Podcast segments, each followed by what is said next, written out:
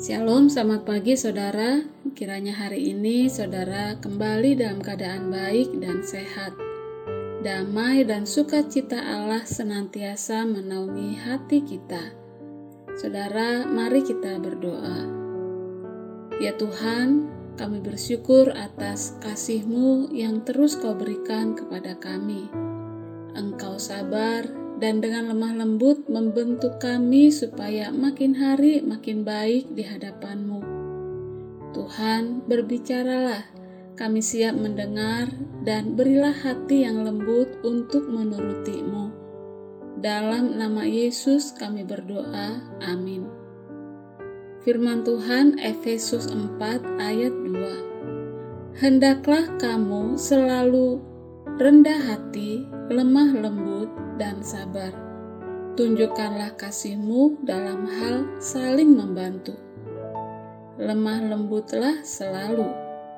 Sebagai orang yang telah ditebus Kristus, maka buah roh kelemah lembutan sudah seharusnya kita miliki. Hati yang mudah dibentuk dan diarahkan oleh firman Tuhan, sehingga kita dapat mengendalikan emosi, nada bicara, dan perkataan kita ketika kita sedang marah.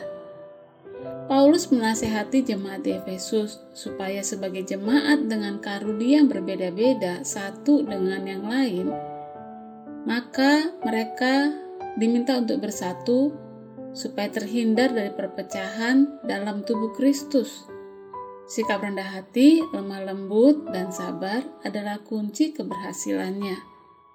Kelemah lembutan berarti mempunyai sikap jiwa yang unggul, yang tidak mau memprovokasi orang lain dan tidak mudah juga terprovokasi oleh orang lain, yang tidak mudah tersinggung karena kelemahan-kelemahan yang kita miliki, yang sebenarnya kita pun tidak menyukainya. Dan sikap kelemah lembutan akan membuat kita senang dan tulus untuk membantu orang lain meski dengan kelemahan-kelemahan yang mereka miliki. Saudara, ada beberapa ciri yang dapat menolong kita untuk mengetahui apakah kita sudah mulai memasuki hati yang lemah lembut, yaitu stabil, tenang emosinya, tidak sombong, dan dapat menguasai emosi.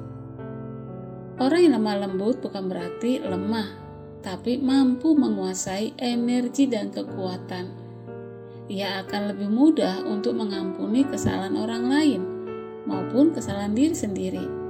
Mau memperbaiki kekeliruan dan menguasai jiwanya sendiri dengan baik. Mari masing-masing kita melihat kepada diri kita sendiri.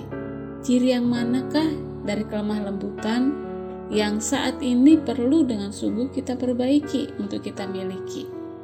Apakah ketidaktenangan, menguasai emosi, dan jangan kita berusaha dengan kekuatan kita untuk bisa bersikap lemah lembut, karena pasti gagal, lelah, malah keliru. Hanya dengan datang kepada Yesus, kita dapat membangun dan memilikinya, seperti yang Ia katakan kepada setiap kita. Marilah kepadaku setiap semua yang letih lesu dan berbeban berat, aku akan memberikan kelegaan kepadamu. Pikulah kuk yang kupasang dan belajarlah kepadaku, karena aku lemah lembut dan rendah hati, dan jiwamu akan mendapat ketenangan. Mari setiap hari kita datang kepada Yesus untuk belajar makin lemah lembut. Dia yang lemah lembut pasti sanggup menolong kita, dan tetaplah semangat lemah lembutlah kepada diri sendiri untuk makin kita makin hari makin baik. Tuhan memberkati kita. Amin.